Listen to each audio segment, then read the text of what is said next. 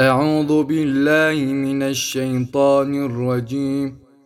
أولئك الذين لعنهم الله ومن يلعن الله فلن تجد له نصيرا.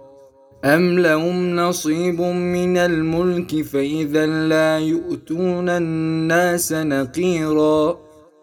أم يحسدون الناس على ما آتاهم الله من فضله فقد آتينا آل إبراهيم الكتاب والحكمة وآتيناهم ملكا عظيما فمنهم من آمن به ومنهم من صد عنه وكفى بجهنم سعيراً إن الذين كفروا بآياتنا سوف نصليهم نارا كلما نضجت جلودهم بدلناهم جلودا غيرها ليذوقوا العذاب إن الله كان عزيزا حكيما والذين آمنوا وعملوا الصالحات سندخلهم جنات تجري من تحتها الأنهار خالدين فيها أبدا.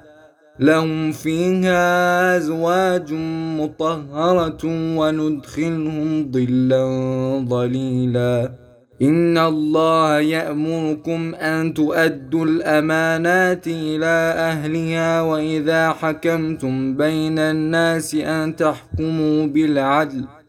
إن الله نعم ما يعظكم به إن الله كان سميعا بصيرا.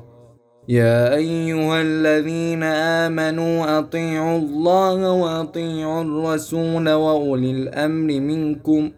فإن تنازعتم في شيء فردوه إلى الله والرسول إن كنتم تؤمنون بالله واليوم الآخر.